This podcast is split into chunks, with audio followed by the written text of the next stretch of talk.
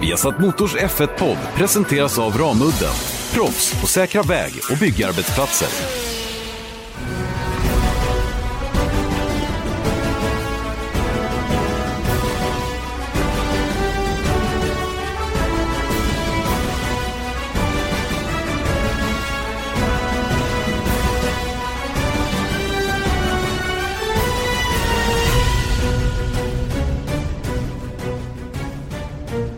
Mycket välkomna ska ni vara till Vesat Motors Formel 1-podd. Jag tror att den är ganska efterlängtad idag faktiskt den här Formel 1-podden efter ett eh, kontroversiellt race i Montreal och Kanadas Grand Prix senast. Vi kommer självklart att gå igenom det här racet och eh, vi kommer att göra det med att eh, presentera våra överraskningar och besvikelser. Vi kommer att eh, djupa ner oss i de här fem sekunderna. Fem sekunderna utav bestraffning som blev så avgörande för slutresultatet. Eh, du kommer dessutom att få en eh, lång intervju också med vår tredje medlem, Dieter Renken, som går igenom vad det är som gäller nu kring de nya reglerna som ska presenteras då, eller det nya reglementet snarare då från och med 2021, för både det sportsliga och det kommersiella sidan utav det. Eh, Erik Stenborg, god morgon. God morgon, god morgon. Jag sitter här i min studio. Mobila, mobilstudion. Mm, precis. Jag har byggt den. Mm. Nämligen hans fina bil. Eh, men, men, faktum är att bilen är en väldigt bra plats att vara på för den är väldigt ambient. Det är ju inget, inget rumsljud överhuvudtaget. Det är väldigt ljudisolerat. Exakt. Så nu sitter jag, istället för att sitta i eh, förrådet som jag ibland gör, där är inte samma. Den, den är, mitt förråd är inte ambient. Om jag säger så. Nej, det är det inte. Så, så är det. Um, ska vi, vi, ska vi, det är väl bara att kasta oss rakt in i det här och um, till att börja med prata Kanada rent generellt kan vi väl göra. Mm, hur hade du det där borta? Jag måste säga att eh, Kanada blev ju ännu mer av en, eh, av en årsfavorit nu då med de nya faciliteterna. Det, det är bara att konstatera. Det var bökigt där tidigare. Mycket, mycket bökigt. Men nu perfekt. Och vet du vad som var roligt? De hade ju liksom byggt kommentatorshytter, mediacenter och alltihopa på ett och samma ställe. Och en liten kafeteria där vi fick eh, eh, enklare lunch varje dag och frukost till och med om man vill ha det. Jätte, jättebra ordnat och så roligt med alla journalister cirkulerade på samma ställe. Helt mm. plötsligt dök folk upp och liksom kom in i hytten och sa tjena, är det här ni sitter liksom?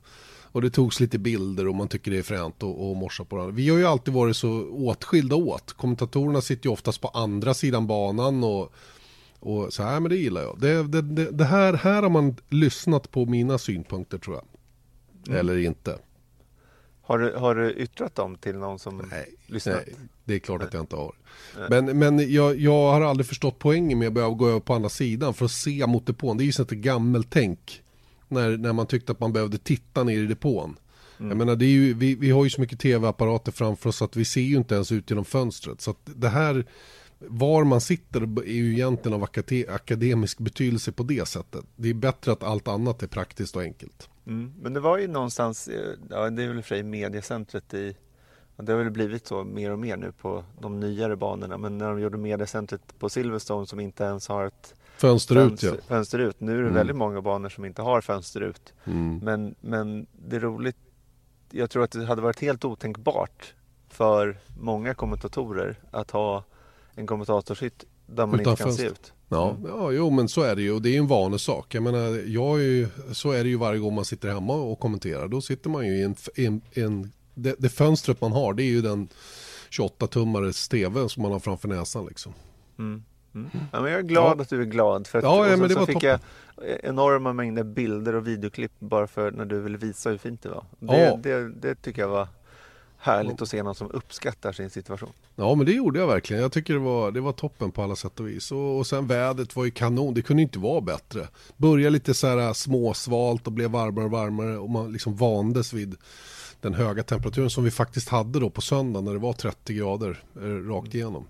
Vilket också gav oss ett rätt så bra race. Nu går vi på överraskningar och besvikelser. Eh, ska, ska vi börja, ska du börja kanske? Ja, jag tycker det. Och sen så vill jag bara påpeka att i det här segmentet då så tycker jag att Vettel och Hamilton-incidenten, den är förbjuden här. Så vi, vi tar den som en separat punkt. Bra, kör på det.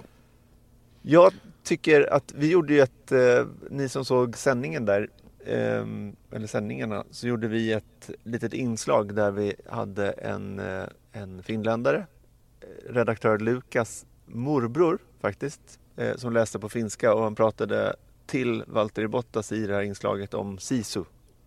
Och att just vikten av att Bottas nu visade lite Sisu den här helgen. Och det gjorde han inte, inte alls. Nej, det blev eh, platt fall tycker jag för Valtteri Bottas den här helgen. Började bra, eh, den smutsiga banan på fredagen där, den hanterade han hyfsat va. Men sen allt eftersom helgen gick tycker jag han tappade farten och slarvade eller stressade under kvalet och två rätt avgörande misstag och sen när han skulle göra sitt sista försök så, så var det småmissar egentligen hela det varvet och, och ingenting blev bra. Starta sexa, kör i mål fyra. Eh, tycker han sågade av den gren han hade att sitta på i, i årets VM ärligt talat. Nu är han 29 poäng bakom Lewis Hamilton och du vet ta 29 poäng på Hamilton. Mm. Det är ingen lätt uppgift. Och, och, eh, nu har han tagit två vinster i år Valtteri va? men de andra har gått till, eh, till Lewis. Mm.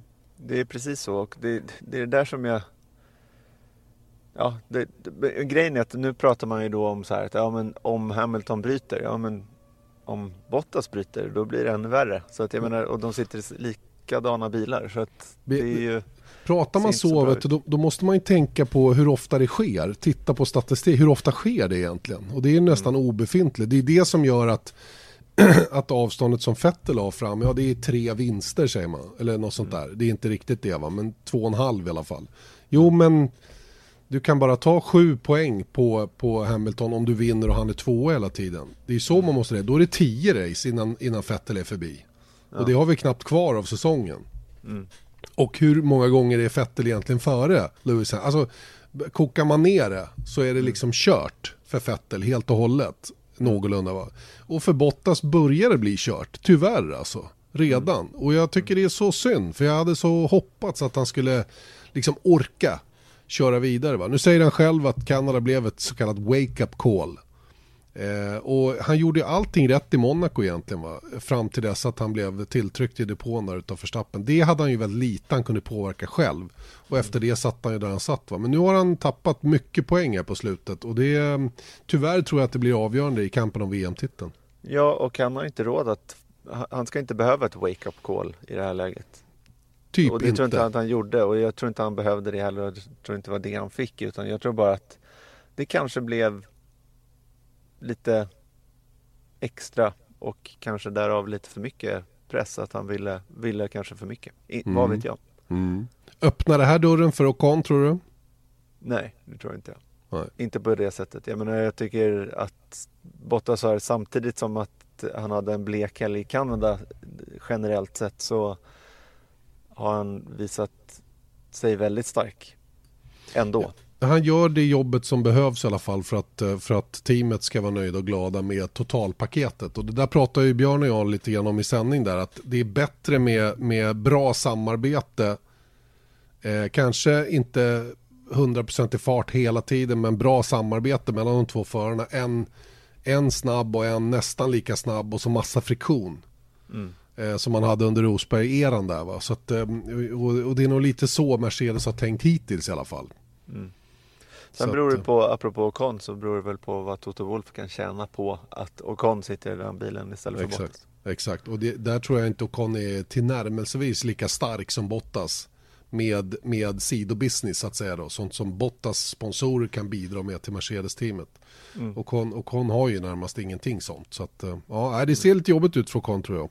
Eh, jag vill inte lyfta fram frågan som att vi ska börja ifrågasätta Bottas på det viset. Jag bara tänker mig lite eh, framöver vad som, vad som skulle kunna hända. Jag tror att Ocon i alla fall gick och tyckte att det, var, att det känns bättre i alla fall. Det han är ju trots allt tredje reservförare där. Ja, och han står ju där inne. Jag menar, mm. det, är, det är klart att han är en påminnelse för alla. Att mm. eh, ingen är oumbärlig. Shape up. Precis. Alright, överraskningar får man väl ändå lyfta fram Renault som. Jacques Villeneuve var ju väldigt kritisk mot när vi hade med honom då efter att han inte varit och tävlat i Sverige på Knutstorp. Han tyckte att de var pinsamma rent av. Inte så pinsamma längre kanske och man undrar lite grann vad som hände Erik. Va? Men, men eh, för mig känns det som att de helt enkelt har fått snurr på den här nya versionen av motor. Eh, det här är en klassisk motorbana den vi har varit på i Kanada och det har vi sett på hur, hur, ehm, hur eh, styrkeförhållandena skiftade från de som har en bra balanserad bil, kanske rätt dynamik, jobbar däcken på bra sätt till de här som, som eh, inte har haft så lätt på flera av banorna tidigare. Nu helt plötsligt var de uppe och slogs. Renault ett utav dem. Eh, och de lyckades ju dessutom fullfölja helgen på ett väldigt, väldigt bra sätt. Det klarade ju inte McLaren till exempel då, som också kör Renault-motor och som också har varit med där framme eh, i Kanada. Mm. Tror du, du, alltså, jag tänker nu att nu visar de framfötterna i Kanada så mycket ett mitt-team kan visa framfötterna i alla fall. Eh, och sen så, men nu väntar Frankrike, oh. hemmarace. Oh.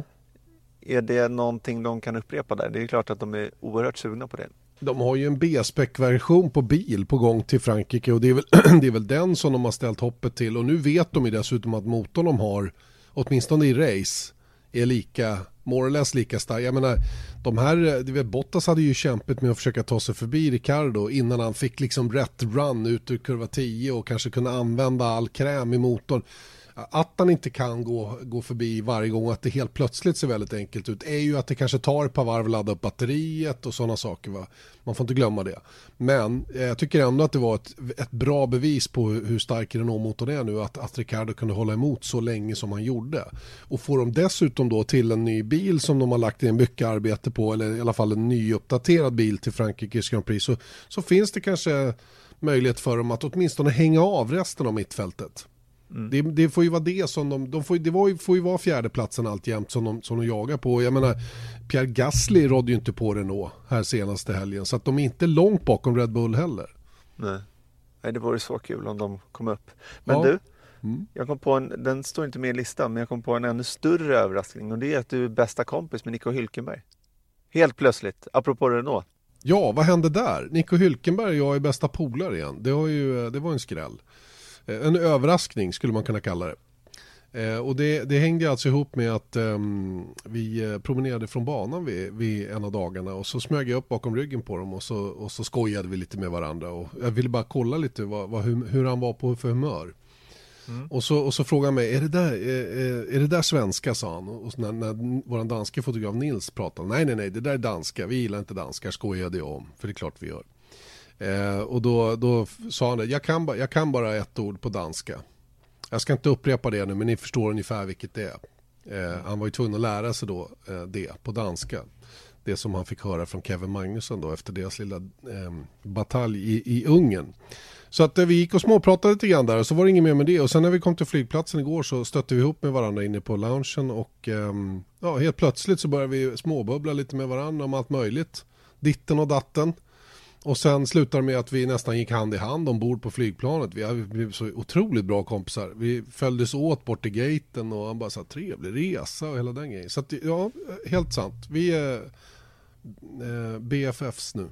Så, så hela problemet har varit att du har varit eh, Han trott att jag är dansk. Ja. Han trott att jag är dansk. Nej, jag vet inte. Men det, det, det kan vara så faktiskt. Och det är, det är ju ganska naturligt eftersom vi använder samma fotograf och vi, vi hänger ihop lite med, med danskarna väldigt mycket där. Så det kan tänkas att han har missförstått hela grejen där. Mm, måste, ha, måste ha varit så, men då tycker jag han är dåligt påläst. Eller hur? Alla vet ju att Sverige är All, bättre. Och alla vet vem jag är. Och vad Exakt, jag står för. Jag förstår inte hur de kunde...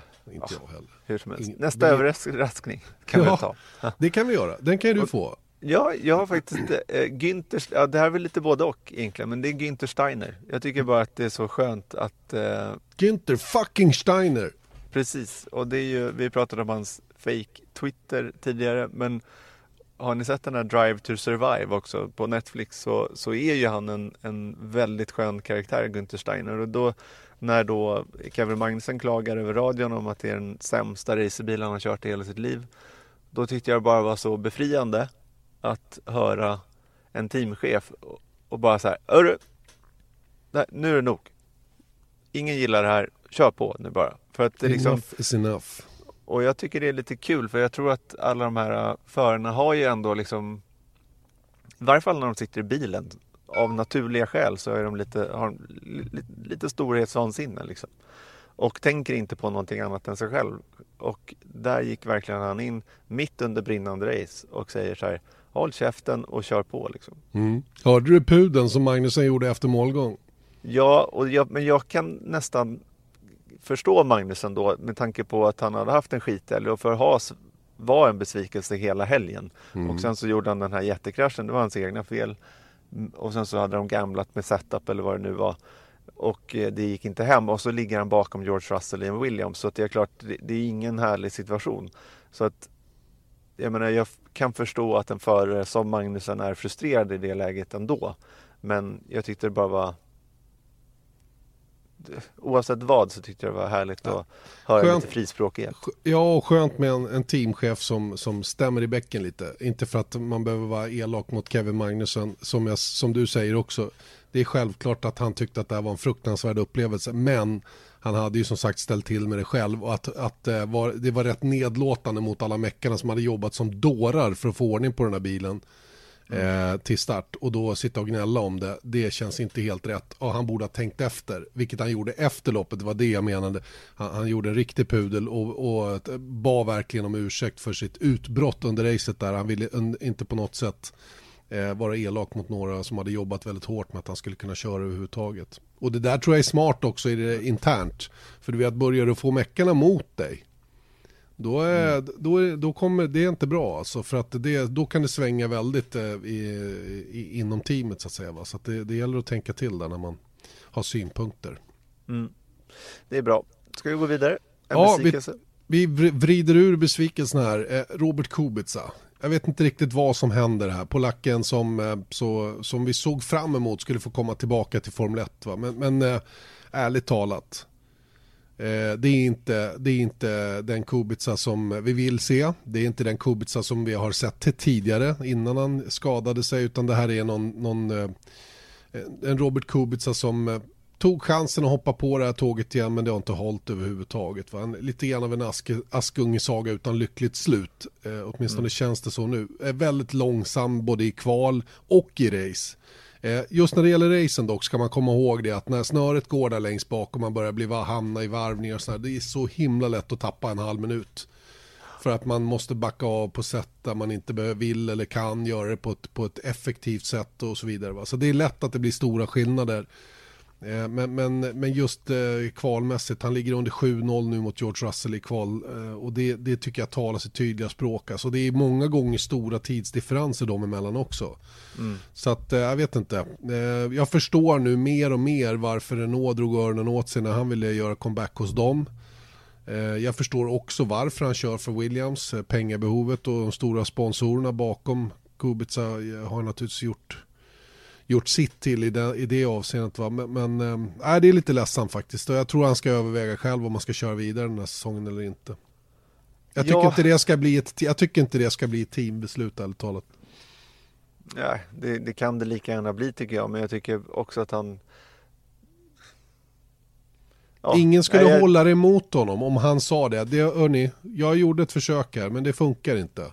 Nej, och, och, och alla skulle förstå varför. Ja, jag hade till och med tyckt att det var snyggt om mm. han hade gjort det. Mm. Men sen så tycker jag samtidigt då att kan teamet ta ett beslut åt honom så det är ju synd om Kubica för att jag, jag, tycker om att jag såg fram jättemycket jag såg jättemycket fram emot att han skulle komma tillbaka. Men då hade jag inte förutsett det här. Nej, om man nej. säger så. Ja. Nej, jag, jag, trodde att han, jag trodde att han, eh, men det, det, en sån som Eje, Eje som hela tiden var tveksam och hela tiden varit tveksam. Mm. Får ju mer och mer rätt. Va? Även Rickard Rudell har ju varit starkt tveksam till att det här har stämt med mobiliteten i högerarmen och så vidare. Va? Så man får ju, eh, man får ju, ja, man får helt enkelt erkänna att det är, det är tuffare att köra Formel 1 än att man kan göra det med en hand. En hel hand, arm. Mm. Och då tänker jag på direkt. Mm, men, mm. men eh, vi kan släppa Nej, det men där. Ocon, att, ja. Ocon kommer aldrig hoppa in där. Du vet, det, det har vi pratat om tidigare också. Att, du vet, ställas mot George Russell nu som är hans direkta konkurrent om en plats mm. hos Mercedes i, i Mercedes-leden så att säga. Eh, komma in med sådana förutsättningar, det skulle Ocon aldrig göra. Då har han ett riktigt dåligt management i sånt fall. Som är Toto Wolf. Som är bland annat Toto Wolf, ja egentligen ja. inte, han får inte vara det va? Men, men, men liksom det skulle bli, det, det tror jag inte skulle bli bra. Och, och, och skulle Ocon hoppa på det då blir jag besviken på hans omdöme ärligt talat. Mm.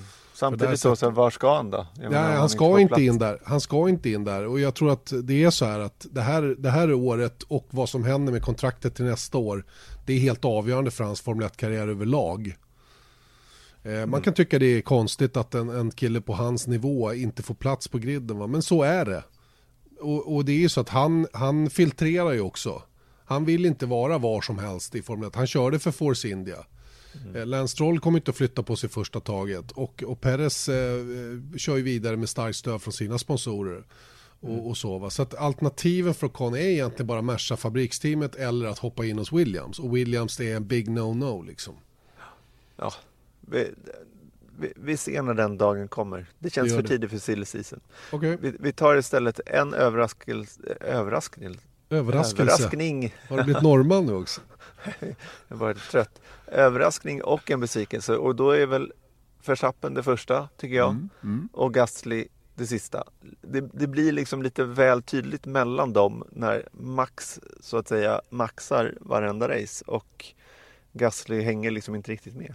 Nej, och jag har lite, jag har lite input där från fransk media. För jag, eh, vi bodde på samma hotell som eh, en kille som jobbar på Radio Monaco. Som då låter som om det är Monaco radiokanal men den är baserad i Paris. och eh, han eh, var, som han själv berättade då, ganska tajt med Gasly. Eh, de har mycket sms-kontakt och liksom, ja, lite så som det blir när man är från samma land. Och eh, han hade väl eh, förstått att Gasly hade det ganska tufft nu då med Eh, att matcha Verstappen rent fartmässigt, sportsligt alltså, men det är tufft rent allmänt. Det är ju ingen hemlighet att, eh, att Verstappens har en, en stark status eh, hos Red Bull just nu då, och eh, Gasly är bara en backup. Så enkelt är det och han, han, han får kanske inte riktigt den, den support. Och jag menar inte att det handlar om brist på support rent, eh, rent maskinellt eller materiellt men han skulle behöva lite mer hjälp i alla fall att, att få upp farten en aning. Och det är, det är, det är, jag är helt säker på att det även hos Red Bull är så att det många gånger är kompromisser om vem som ska få de senaste nya delarna och hur väl förberett allting är och det ena och det tredje. Så att um, det, jag tror att Gasly har det lite extra tungt med anledning av detta så att säga. Mm. Och det var ju typ det här som Ricardo lämnade. För ja. ja. Det, var det, det var det han gav upp så att säga för han insåg att det här kommer inte kunna fortsätta han håller på liksom bli, bli, de håller på att trycka honom ut ur, ut ur teamet. Eh, I alla fall ut ur den röda zonen så att säga där man vill vara. Mm. Medan då Verstappen då om man ska bara aldrig säga kommit någonting. In. Eller Gasly har aldrig kommit in, nej förlåt. Nej. Om, om, man ska säga någonting om Verstappen då så, så är det just det här grejen att okej okay, nu händer massa saker under den här helgen för eh, Verstappen också men jag tycker samtidigt då att ja men då är han ändå där mm. och försöker och gör ett oklanderligt race i alla fall. Det ska man säga. Nu hade Verstappen klar fördel av, av däckvalet kontra Gasly. Men att Gasly inte klarar att slå de båda Renaulterna, det kan jag på samma strategi. Det borde han kunna göra. Så pass mycket bättre är Red Bull-bilen i alla fall i race-trim. Att han ska kunna vara framför. Och vi hörde Gasly efter loppet också säga det att det här måste vi analysera nu för det här är inte okej okay, liksom. En sjätteplats som sämst, det, det tycker jag man kan kräva av Gasly. Eh, i det här fallet. Att han inte slår förstappen det må ju vara en sak, men Renaulterna borde han ha tagit kan jag tycka. Absolut. Mm. Men, men, du, eh, ska vi ta en sista överraskning lite kort och ja. sen gå in på de här fem sekunderna som vi pratade om? Eh, bra idé. Eh, Kanadas Grand Prix. Eh, bra bana. Bra bana. Inte den roligaste layouten för förarna att köra på tror jag, men bra bana. Det är långa raksträckor, det är svårhanterliga chikaner, det är stort påfrestning på bilarna. Ehm, det är bara gräs mellan murarna och asfalten. Den är väldigt oförlåtande och klär av föraren när den verkligen gör ett misstag. Den är bra helt enkelt för, för den typen av underhållning som jag tror att vi som kollar på Formel 1 vill ha. Speciellt om man får till en situation däckmässigt också där inte allting går på räls Eh, att det finns, att, det blir liksom en liten curveball när det gäller eh, slitaget och hur förberedd man är. Då, då blir den extra bra. Och det är ingen tillfällighet tror jag att Kanadas Grand Prix 2010 blev ju ram, ramverket för hur det kommande däck, eh, däckreglementet skulle se ut. Sen har det inte blivit hundraprocentigt ändå. Men jag, jag, är helt medveten om vad man var ute efter då den gången när, när Bridgestone kom med fel gummiblandningar till, till Montreal och Kanada och gav oss ett fantastiskt race den gången. Mm. Ja, men jag håller bara med. Det är liksom det är faktiskt en sån där bana som man förväntar sig att nu kommer det bli kul. Mm. Och jag kan inte minnas, okej okay, det blev mer eller mindre kul på, i Kanada också, men jag tycker alltid att det är sevärt race att, oh. att ha. Det var ett jättebra lopp tycker jag i söndags. Det var ju körning på absolut toppnivå hela tiden. Jag menar tiderna som de var tvungna att prestera och, och upplägget som alla var tvungna att följa då med medium hard eh, längst fram och, och, att jag menar Hamilton att bara ligga där bakom hela racet och mm. inte mm. få de här stora problemen. Du hörde ju alla klagade över överhettning och vad det nu var va? Men han har på något sätt förmågan att hänga på. Han är supereffektiv när det gäller att hålla det där under kontroll. Vi såg Monza förra året när han låg och jagade på Kimmy så himla länge. Mm. Det är ju en liknande bana där du använder väldigt mycket bromsarna mekaniskt. Du får inte så mycket hjälp av aerodynamiken. Ungefär som i Montreal. Och det tar hårt på grejerna. Det är svårt att ligga för nära. Det blir varmt och så vidare. Han mm. verkar sjukt duktig på det där tycker jag, Lewis Hamilton. Verkligen. Och nu när vi är inne på honom. Ska ja. vi prata om de här fem sekunderna? Eller? Nu får vi spänna fast säkerhetsbält, dra åt ordentligt här så att man inte ramlar av stolen. Hålla tungan rätt i mun tror jag, för att här, här öppnar man för eh, kritik. Vad man eh, säger. Visst. Eh, ja, men eh, ta din stans till att börja med då. Nej, men det är liksom hela... Vi pratar ju såklart om eh, incidenten när, när Vettel är eh, i ledning och gör ett misstag och går liksom tvärs över chikanen och då åker upp på banan igen. Får en bestraffning på fem sekunder för att ha blockerat Hamilton. Nej, för att, Nej, rejoin för... The, för att rejoin the track in an unsafe manner. Exakt, och det är där eh, jag gjorde fel redan från början. Det är väl bra att öppna på det viset. Ja, Exakt. men det var precis det han fick. Då var det fem sekunder och det blev stor kalabalik i hela Formel 1 och alla som tittade blev eh, arga oavsett vad man höll på egentligen. Ehm, och det har blivit kanske den största nyheten under den här säsongen skulle jag säga. Mm, visst är det så. Ehm, ja. jag, jag, tror liksom inte att det går att vara 100% för eller emot eller svartvit i den här frågan. Det är liksom för otydligt för oss som tittar in utifrån, tror jag. Ehm, men med det sagt då så känner jag att de borde ha släppt det här. Om vi börjar där. Mm. Jag tycker liksom inte att det var ja, vi kommer in på det lite senare, men jag, jag tycker att min grundkänsla är att det, det, var inte värt det. Det som, det som skedde. Nej, eh, och jag är helt inne på samma linje. Jag tycker också man borde ha släppt det. Det var hård racing och det var Hamilton som, som stressade fettet till ett misstag som fick betala priset för det. Körde över gräset, tappar farten, det tar tid för honom att få upp farten igen. Hamilton lyckas inte klämma sig förbi, visst. Eh, han kunde inte utnyttja situationen med andra ord. De borde ha fått fortsätta racea om det till målflagg. Det fanns ingen anledning tycker jag att blanda sig i hela den här grymma fighten som vi faktiskt hade. Men mm. då har vi ett reglemente. Vi har ett reglemente som, eh, som det står ganska tydligt i eh, hur, man ska, hur man ska döma. Och mm. så fort att tävlingsledningen, Michael Masi, hade rapporterat till domarna, då har de inget annat att välja än att gå in i lagtexten och sen följa det by the book. Och det var precis det Manuel Pirro, italienare för övrigt, och de övriga domarna gjorde och kom fram till den bedömning man gjorde också med fem sekunders tidstillägg. Ja. Får jag ta det här i punktform?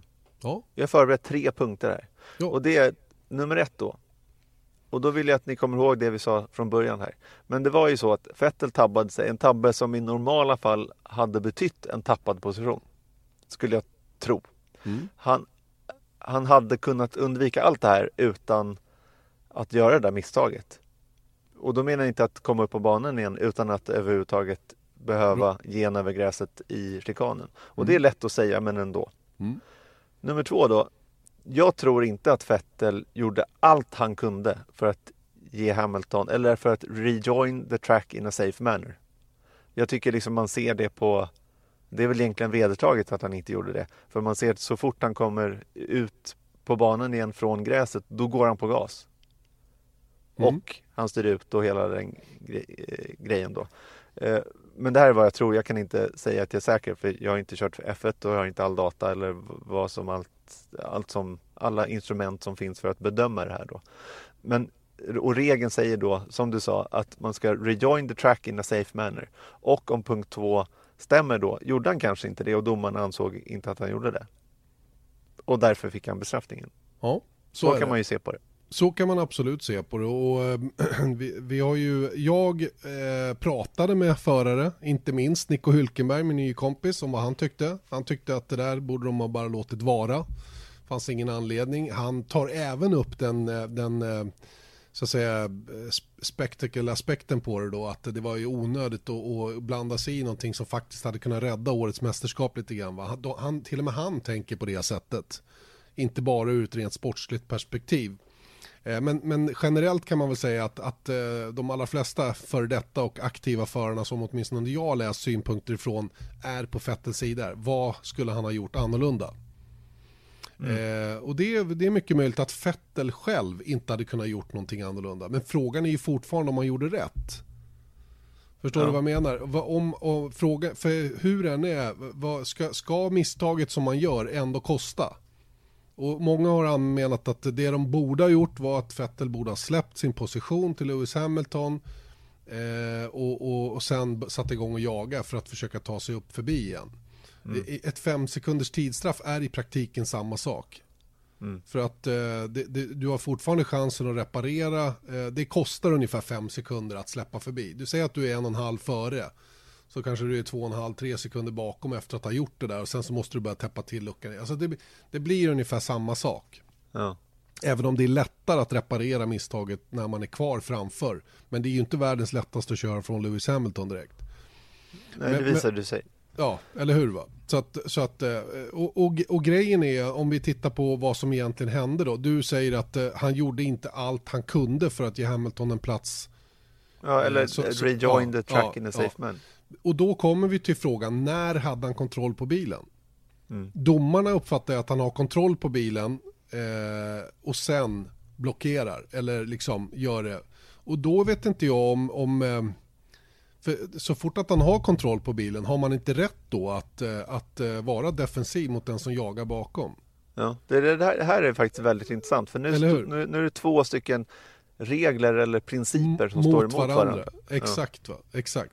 Så, så att det är ju det här som är så svårt och vi måste vara ödmjuka nu, inte sitta hemma och tycka att våran egen åsikt är den enda rätta. För jag har sett så många sådana.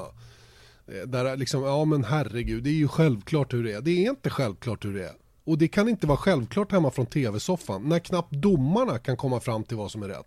Som mm. har så många verktyg för att verkligen ta reda på hur eh, hur, eh, eller säg så här, de har så mycket verktyg som gör att de faktiskt kan komma fram till att det är si eller så. Mm.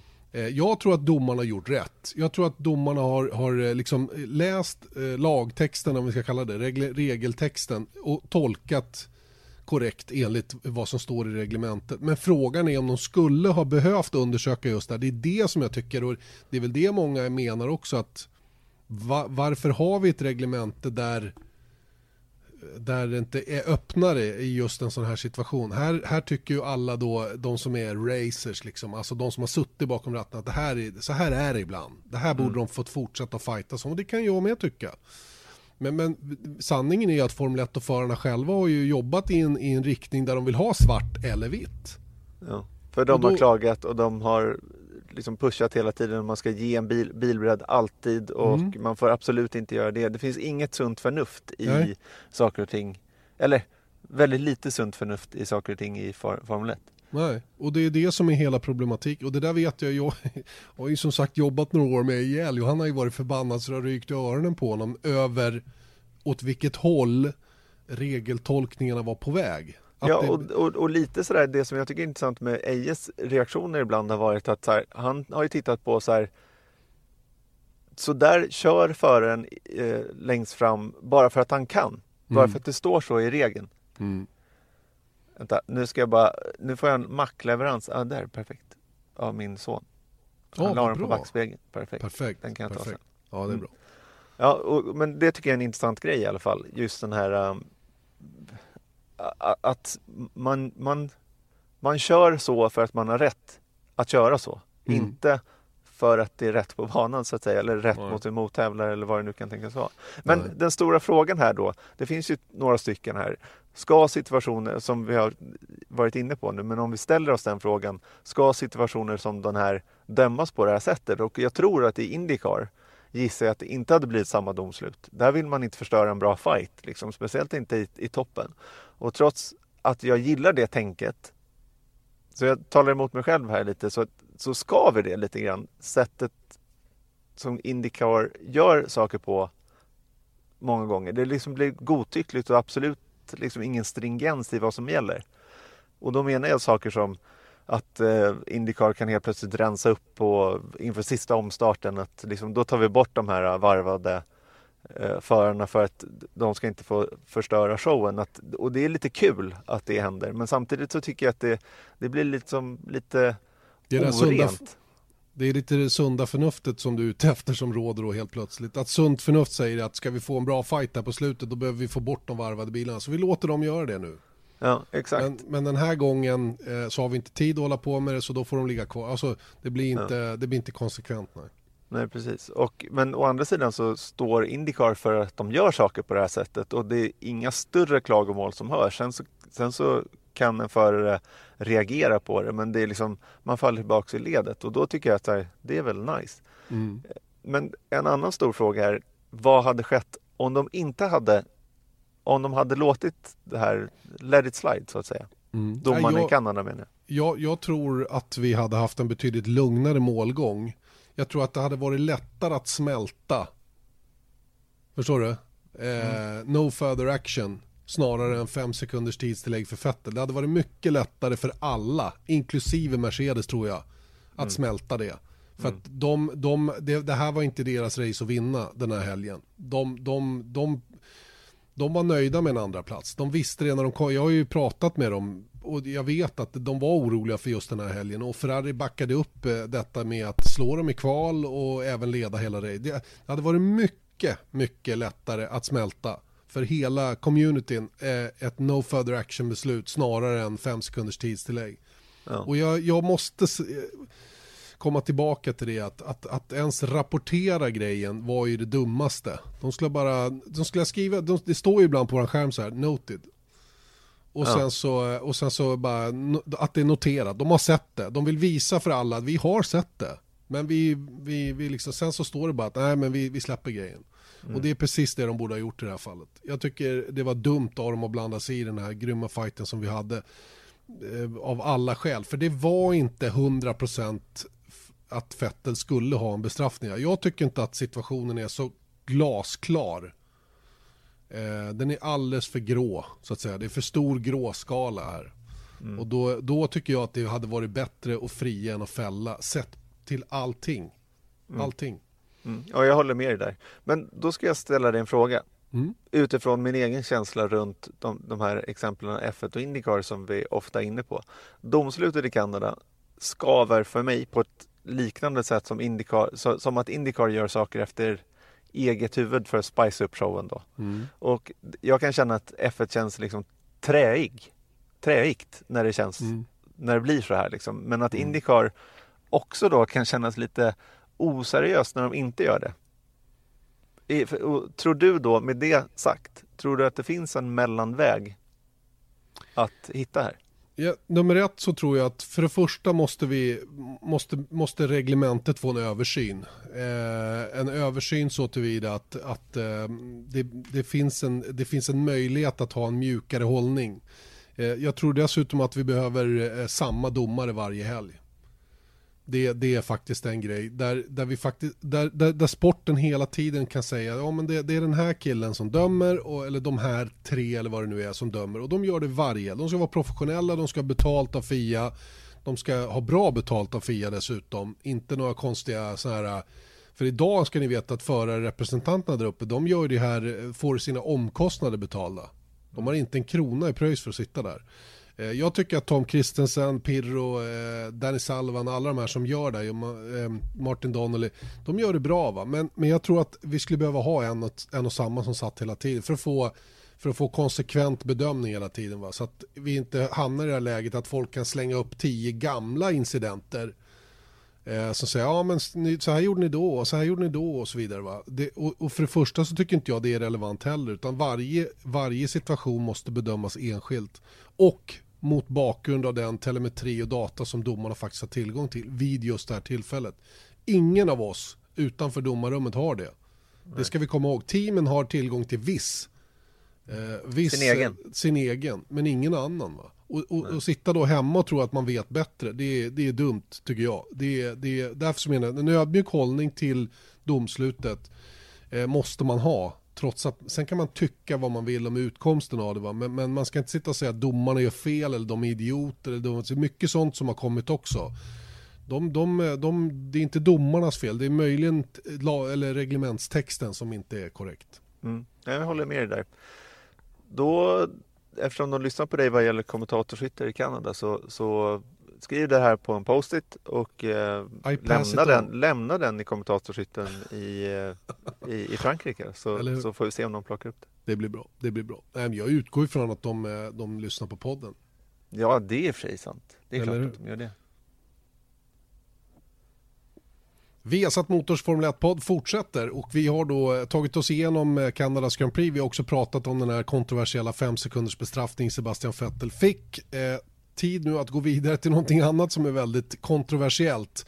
Och det ska vi göra tillsammans med Dieter Renken, vår tredje medarbetare Erik, som har bra koll på det här som gäller nu runt, runt reglerna 2021. Det är ju ett intressant ämne minst sagt.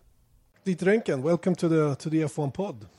Wonderful being here, uh, Jana. Thank you. And fantastic to just look across the St. Lawrence River. I mean, what a wonderful stretch of water. Yeah, we're in Canada and uh, you're uh, invited into a commentary booth. How's that? It's also wonderful. I mean, obviously, I've been in commentary booths before, but. Um, there have been some commentary booths in the past, of course, where you don't even have a view of the track. Whereas here, it's it's right overlooking the, the pit lane and the main straight and whatever. I mean, honestly, it couldn't be better. I envy you guys on Sunday quite an update to the last one we had. Oh, I mean, well, I don't know what your commentary booths were like there, but the um, the media center was actually a tent. Yeah. and as we know, we've had lots of very stormy races here, and I mean, we had wind howling through there, and this is 21st century. Yeah, I mean, no, the update for the for the pit building and all that, and the garages are very very much um, uh, liked from everyone. I think uh, we're not going to talk about that. We're going to talk about 2021. That's the key year for Formula One. The more we think about it, the more it seemed to be the key year for, for the future of Formula One. What, what can you say about uh, what has happened since we talked last time? Well, you know, what you say is actually 100% correct. I mean, 2021 is a watershed when Liberty bought the Formula One commercial rights everything was aimed and targeted at change in 2021 because there were existing contracts in place, commercial, the regulations, uh, you know, all sorts of contracts. The governance process were, uh, was contractual. These all expire at the end of 2020. So 2021 gives Liberty the opportunity of starting with a clean slate. And that's why it's an absolutely crucial period for Formula One. Now, what we do need to do is just look at the various areas. And the first one, of course, is regulatory, which is the uh, technical and sporting regulations.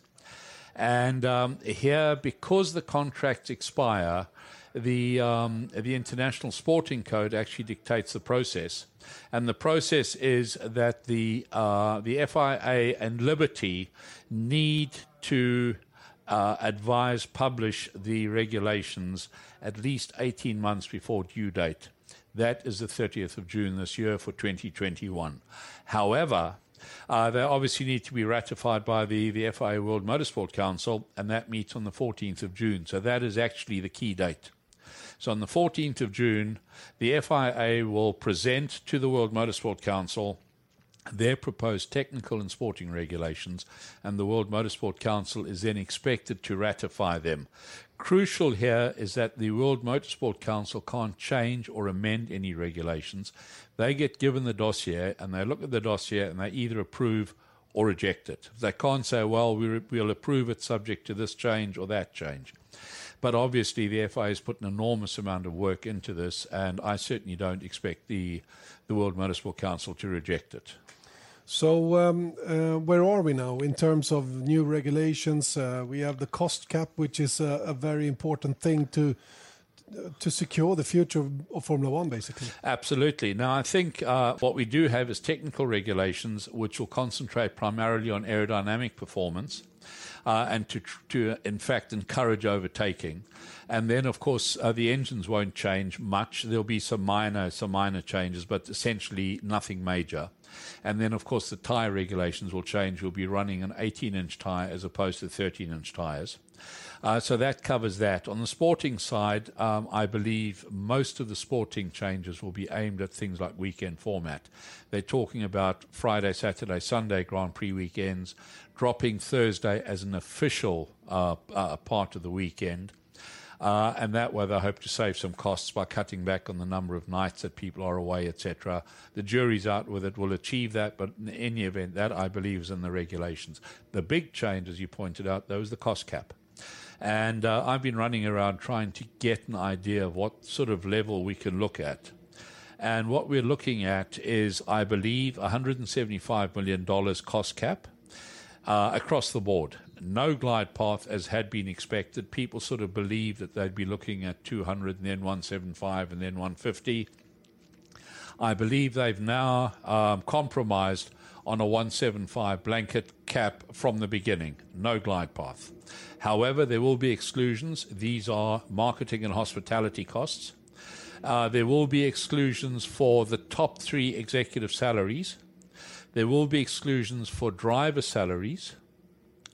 There will be the first 12 million euros, so call it $15 million, of your power unit cost will be excluded. And then there will also be an exclusion for race travel costs.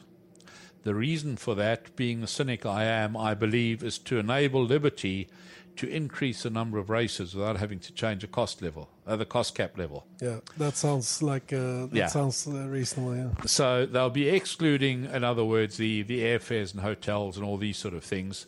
Um, so just to recap, $175 million. Uh, blanket cost cap exclusions are the top three executive salaries, driver salaries, marketing and hospitality, the first $15 million of your uh, power unit cost, and then the cost of race, travel, and accommodation. Okay. Um, is that enough? Do you think? Well, I'll put it to you this way. The cynic in me says that there will be ways of getting around it. I mean, what I believe will sort of happen, and I stress that this is a sort of example, but a team could establish a an outside consultancy. And that consultancy could do some aero work or some mechanical development and charge it at $50 an hour when in fact it should be $500 million, uh, $500 an hour or whatever. These are possibilities. I think it's how it gets policed. That's the crucial thing. And I think it should be audited and it should be policed. And then I believe it becomes an equitable cost cap. If we though, um, if we though don't police it properly, then it's meaningless. It's like the speed limit on the on the highway. Uh, you know, if the speed limit's 120, if there are never any speed traps, people are going to travel at 240. Yeah, that's correct. But if we if we uh, if we um, you say policing it, that has been the main sort of uh, the main uh, what can you say that, that that the opponents have said around it that it is impossible to police a cost cap. So how will they do it? Well, I believe that they'll be looking at appointing an auditing company, and this auditing company will go in there, and the auditing company will then uh, have a look at the purchase ledgers, look at the accounts departments, look at the payrolls, and try and get, get an idea. Uh, I don't believe anybody expects it to be totally controllable, but I think it's a bit like, uh, you know, using that, that example again of speed limits on the motorway unless you sit there 24/7 with a with a, a gun, you can't actually enforce it 100% of the time.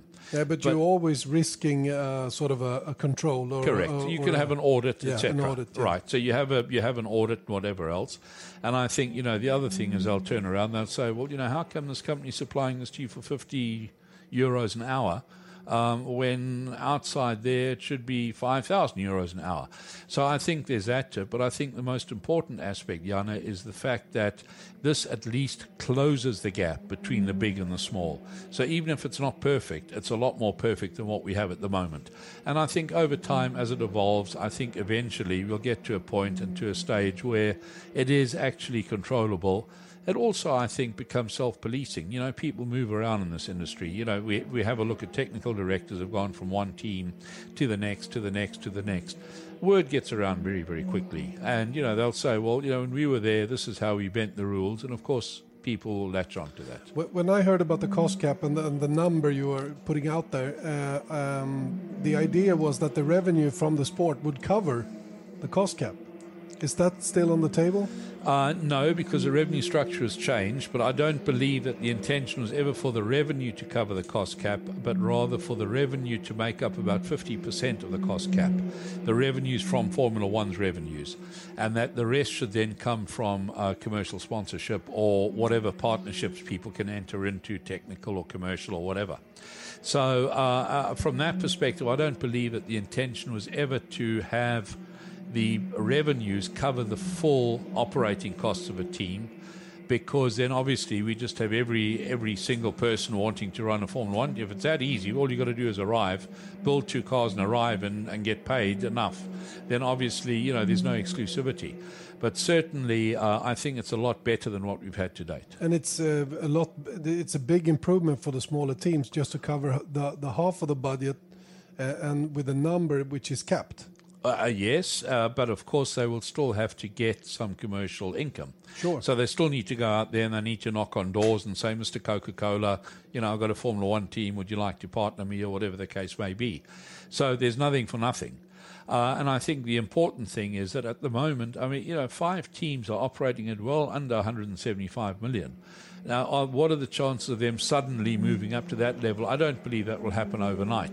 The most important thing is that we also have three teams that are operating well over that level, and they will have to come down. But if we look at the, the small teams now that, as you say, have a, a, smaller budget than the 175, but but if you compare it with the revenues they get today, how much money do they get need to get from from other places like partners and stuff? Would that would that sort of gap uh, decrease? I would believe we're looking at probably about 50 50 at the moment. So I think they'll be getting, at the moment, the average team, we take the fifth place, uh, at the moment gets about $65 million. Um, that means that they would need to find about 110 million in term. But here we're talking the fifth place team. Obviously, the higher up the order you go, the the, the, the more your, your performance income. And I think this again is the right way to go because this is a performance based activity and you should actually reward performance. Of course, and and also that um, as you present it, uh, it seems like that could be a, a good. Uh, I mean, for for another manufacturer coming in, they see that there is actually a business model uh, that That's they sustainable. Able, yeah, Yes, that's sustain- absolutely. And also, we've now started working out how long the piece of string should be. Until now, you know, people have said, well, what does it cost to go Formula One? Well, it costs as much as you want to spend because that really has been what it's been at the moment. You know, Mercedes have spent what it took to win. Uh, whereas now, at least we know that is the finite length of string, and you can't go much beyond that. No, which is a good thing, a really good thing, I think, uh, for, for the for the future of the sport. Um, coming to the technical regulations, um, what what, what uh, I know that um, the um, what what we have been shown in terms of car and how it should look like and all that, that should also be. That, that should also be um, uh, decided before Presented. the presented Correct. by the last of June. Uh, correct. Um, you, you're quite correct. Um, but this is, as I said earlier on, is mainly aerodynamic performance orientated. Um, so we can expect the cars to look different. Um, I think that there'll be some very sophisticated solutions uh, to prevent the um, the lack of overtaking that we've had. In other words, to encourage overtaking. But I think that a lot of it will also go back to basics. In other words, you'll have a fairly basic front wing. We'll have fairly basic rear wings. Dimensions, of course, to be announced. Uh, because what we have at the moment is a, a set of aerodynamic regulations which allow you to do two things. The one is to maximize downforce, but the other one is actually to maximize the amount of dirty air behind you. So that if somebody comes up behind you, he suddenly loses all downforce and he's got to drop back again. And this is what we've had. A, a driver will come right up, close up, and suddenly he loses all downforce and he drops back again. So the regulation should be aimed at that. Uh, and then, uh, as I said, there are some minor changes to the sporting regulations, mainly to do with weekend formats, qualifying formats, etc.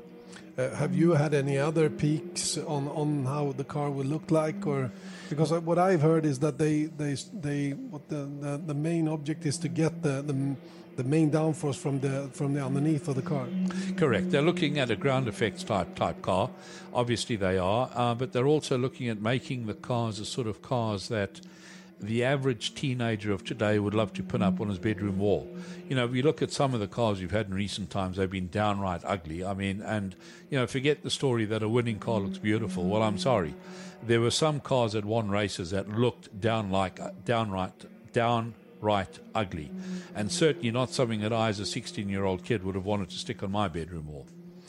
So um, um, this it, it seems like uh, yeah the, on the money side, the commercial side, yeah, right? The commercial side, yeah. Uh, you know, obviously Formula One's operated under an inequitable revenue structure since uh, 2014 onwards, or 2013, which came into effect in 2014, where obviously Ferrari received massive bonuses, um, Mercedes, uh, Red Bull, McLaren to a lesser degree, Williams got a, a modest bonus, the rest got nothing.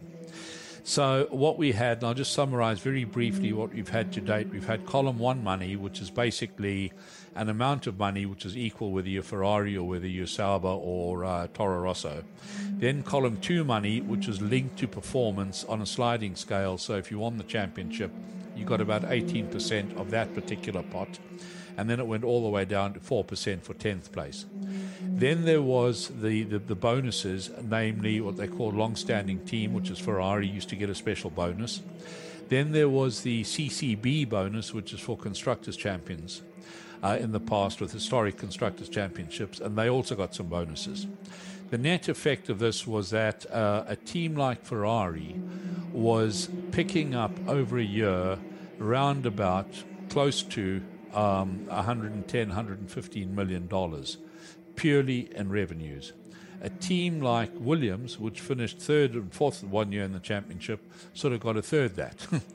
uh, and so there was obviously this this issue, and in a sport where uh, money can buy performance, that's the reason why, since this revenue structure was introduced, we actually haven't had a, a race winner from outside the top three teams, one who got the big bonuses.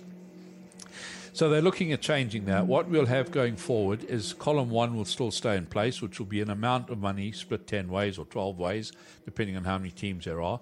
Then there'll be column two, which will be on the sliding scale, but the sliding scale has been changed to reward performance and to, when I say punish, indirectly punish lack of performance. So you'll get more for winning the championship than under the, the present structure, and you'll get less for coming 10th than under the present structure. Then there will be the Ferrari bonus, but that will be substantially reduced, I believe, by as much as 50%.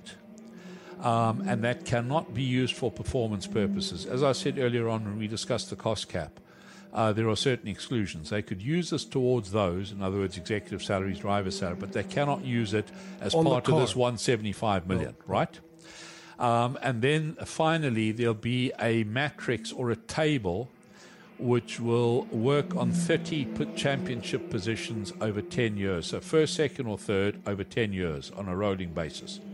And you'll get three points if you're champion, two points if you come second, and one point if you come third. And what they'll do every year is they'll add up the number of points so that if uh, Mercedes comes uh, first one year and second the following year and, th- third the, f- the year thereafter, they'll get three, two, and one points, and so on and so forth. And this will then um, determine the uh, payouts of the bonus structures. Again, very much performance linked as opposed to historic. Well, there's a bit of both. There's a bit of history because it goes back 10 years, but, there's- but it's basically linked to direct performance. So how uh, this is set? What you're what you're It's explaining not now? set. This is what I expect they will be presenting. Um, uh, you know, in Formula One, nothing is set. Uh, but certainly, uh, the my best information is that this is the way that it will be.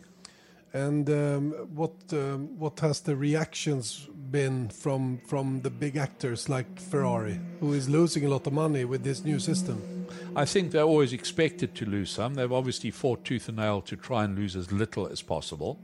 One of the things I believe they've retained is their veto over the regulations, but again, there's been a change here in that the uh, the veto has been worded in such a way that it really has to be a very, very serious uh, situation before they can actually trigger it. So they can't just turn around and say, oh, we don't like the front wing on the Mercedes, that regulation should change, zap.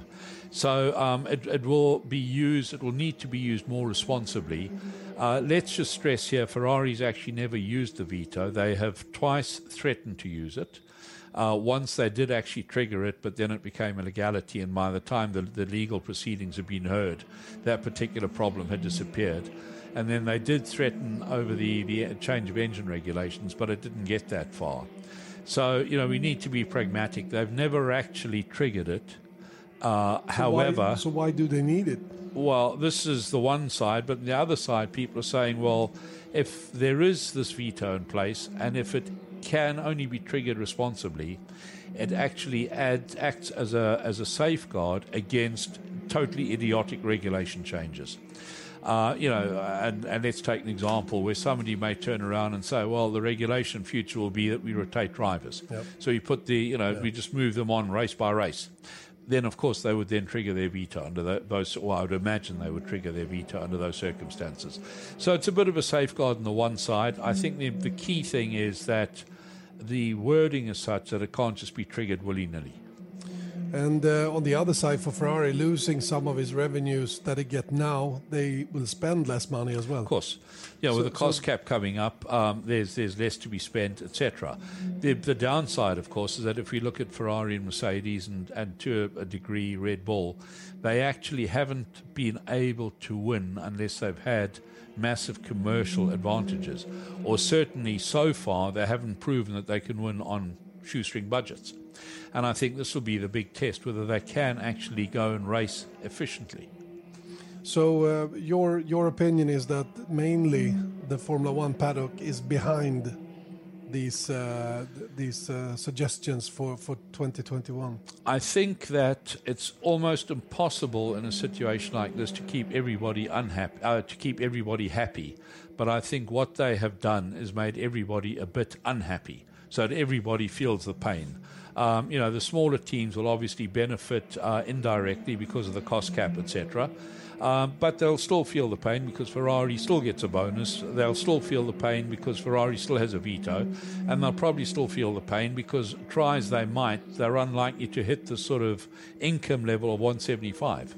And, and what's the comment from Mercedes then? Probably losing a, a very big. Um uh, competitive advantage they have at the moment? Well, uh, all I can say is that at this stage, nobody's really talking publicly because um, you know these these are still drafts and they haven't officially been ratified. So you know, Formula One is sort of playing a very guarded game where they're saying, well, let's see what what they eventually agree on. Uh, but I think that Mercedes also knew that it was inevitable that there would be some form of cost control. I mean, there had to be. You know, when, when Lewis talks about, you know, 1,500 people back in the UK building my car, yeah, it's an enormous number of people to build two cars to go and race on 20 Sundays a year. So, finally, what's your review of all this? What's my review? I'm pleasantly surprised that we seem to have reached a stage where um, a cost cap is going to become a reality. Uh, we, I'm, I'm also pleasantly surprised that uh, we seem to have reduced the bonuses and are hitting and embarking on a more equitable revenue structure. But I still also believe we haven't really gone far enough. If we go back and rewind two years to what we were what was indicated as coming that the, the vetoes would go, the bonuses would go, etc. We haven't achieved that but there's optimism that after this round, when we get to the next lot in 2025 or whenever that is, that maybe it will disappear then. So 2025 is that the reasonable date for uh, for another negotiation? I think we're probably going to be looking at five-year terms. You know, the um, from 1998 we had we had a 10-year Concord agreement. Uh, which was too long. The next one was basically a three year because we had one and a half years without anything whatsoever and then uh, we had 2010 through to end of 2012, and three years was too short. Uh, this one now has run from 13 to the end of 2020. Uh, and again, the feeling is it was too long. So I think we'll be looking at five year b- blocks, which in fact was what the original Concords ran. You know, the, the very first in the 80s and the, the early 90s ran in five year blocks. So I think we'll be looking at sort of five-year blocks. The next uh, negotiations would happen around about 2025. So we're on the right path, it seems. It looks like we're on the right path. What we've got to do is keep the magnet pointing the right way, though. You know, the the compass. Ja, det var Dieter Renken det och det är alltid intressant att eh, lyssna på honom. Man måste ha öronen med sig för att hänga med på allting. Men, men det som jag tycker är generellt sett runt hela den här frågan är att det här är så otroligt viktigt för Formel 1 och FIA att få det här rätt. För om de inte får det, om det inte blir helt perfekt, i varje fall synen på det, så, så det tror jag kan bli ganska förödande för Formel 1. För det så, finns så mycket negativa krafter runt sporten att till och med folk som gillar Formel 1-fans alltså sitter och letar fel. Och det kan man göra tycker jag om man, om man känner sig eh, manad att göra det. Men, men jag tänker bara att så här, alla väntar nu på 2021 och, och att det ska liksom bli perfekt nu. Nu blir det det perfekta Formel 1. Om det inte blir det, då är det kört för alltid. Mm. Vilket inte jag tycker stämmer då. Men jag tror samtidigt att det kan bli så. Om det här blir, om inte Australiens Grand Prix 2021 blir det mest magiska racet i mannaminne. Då tror jag att det kommer vara svårt liksom att, att hämta hem det här på något sätt. Ja, så finns det väl vissa, jag pratar med några eh, som är lite oroliga för att just året 2021 kommer att bli en ett total katastrof. Eh, att starten för det nya reglementet kommer att bli väldigt rörig. Om man säger då att, att och jag menar, det är ju det som är problemet nu för att efter vi har bandat där har det kommit fram då att den här deadlinen på 30 juni för det tekniska reglementet den vill man ju flytta fram till oktober. Eh, och jag vet att på torsdag den här veckan så ska ju FIA nu träffa då teamcheferna och representanter från deras tekniska avdelningar för att bryta det här dödläget man har hamnat i. Men, men eh, det verkar ju som att många tycker att man har, inte, eh, man, man har inte förberett sig utan det är lite som att läsa på till ett prov kvällen innan. Mm. Det är den känslan va, så de behöver mer tid va. Men ju mer tid de får desto mindre tid får de att bygga de nya bilarna. Och mm. det är ju det här som är problemet lite grann för de små teamen. För här skaffar sig de stora teamen mer tid, att, för de har ju redan satt igång. Ja, de har ju exakt. satt igång mot bakgrund av den grund som, som har funnits hela tiden. Va? Så de är ju redan on it, så att säga. Medan de mindre teamen får mindre tid. För de har inte de resurserna att, att köra ett 2021-projekt samtidigt som de håller på att utveckla årets och nästa års bil. Nej. Så att det, det, där, det, där, är dumt tycker jag. Va? Sen när det gäller cost cap på 175 miljoner och den, de, det som ingår och inte ingår. Det, det blev ju en kompromiss så att säga. Va? Mm. Eh, det hade varit bättre att vara hårdare. Dragit ner eh, pengarna så man får spendera ännu mer och, och innefattat eh, kanske förare eller alla åtminstone teamchefslöner och sådana saker. Va? Mm. Mm. Men de, de, tre högsta positionerna i teamet då, plus förarlönerna är ju exkluderade ur det här budgettaket då, plus allt som rör marketing och hela den biten. Men man får ja. väl se det som att det, det, är en bra start och som Dieter Renken säger kanske att i hans bok kanske inte är perfekt men är mer perfekt än vad det är nu. Och visar det sig att, att eh, det går åt rätt håll när man har kört med det här ett eller ett par år, ja då kanske man gör ytterligare grejer. Och det, jag tror att också att han har en bra poäng i det där att det kan bli liksom Sätter man en norm, sätter man en standard i en sport, sen så vänjer sig folk vid det och då tror jag inte att ens ett team som Mercedes Ferrari vill att kostnaderna ska gå upp igen. Utan Nej. att då, då, är man liksom, då är man där igen. Vi pratade med Mike Hull som är team manager för Chip Ganassi på Indy 500 en lång stund. Och han menar ju det att apropå restriktionerna att utveckla saker i um, Indycar är just ja, hans grundpoäng där att ja, men jag hade gärna velat göra lite mer för eh, att kunna utveckla mer än stötdämpare. Att det finns vissa saker som man skulle kunna göra på ett enkelt sätt. Men han köper att det är som det eh, på det sättet det är just nu. Och det tycker jag är en sån där, jag tror att det kommer bli man kommer glömma bort att man spenderade miljarder och åter miljarder kronor på att köra de här eh, två bilarna 21 gånger om året när man nu har satt den här eh, budgettaket. Mm. Och jag tror att det kommer att komma ner ännu mer. Det är, mm. det är, min uppfattning i alla fall fram till nästa femårsperiod eller hur långt man nu väljer att skriva det här kommande kontraktet då. Mm. Just det, eh, vi snart, nu är podden slut. Nu har vi pratat så sjukt länge. Eh, mm. Så att nu är öronen trötta på alla som är med. Men vi vill gärna eh, nämna att vi har en formel, formelfri helg. Men vi har Porsche Cup uppe från Skellefteå på den nya stora fina banan där uppe. Eh, som faktiskt invigs till helgen här. Det ska bli lite kul att se hur den ser ut och hur racingen blir där uppe. Eh, Porsche Cup Scandinavia alltså. Och sen är det ju Le Mans 24 timmars. Ja, det blir spännande det. ja, det blir det. Ja, men du lät ju engagerad.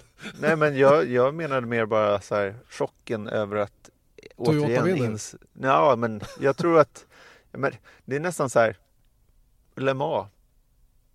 Det är bara, det vill man se ändå. Det spelar mm. ingen roll. Nej, det är lite kuliss sådär. Och så är man med sista timmarna och ser vad som har hänt. Och... Ja, men precis. Men vi sänder allt. Allt vi på Viaplay. Allt. allt på allt, Viaplay. Allt, allt. Och eh, nästan allt på TV10. Mm. Ja, men det är väldigt coolt faktiskt. Mm. Det tre, tredje av 2019 års Triple Crown, allt är Viasat Motor och Viaplay. Yes. Yes. Perfekt ju. Ja. Du, ät din macka på backspegeln nu så ska jag gå ner och ta lite frukost också. Let's do it. Bra, vi hörs igen nästa vecka. Det gör vi. Viasat Motors F1-podd presenteras av Ramudden. Proffs på säkra väg och byggarbetsplatser.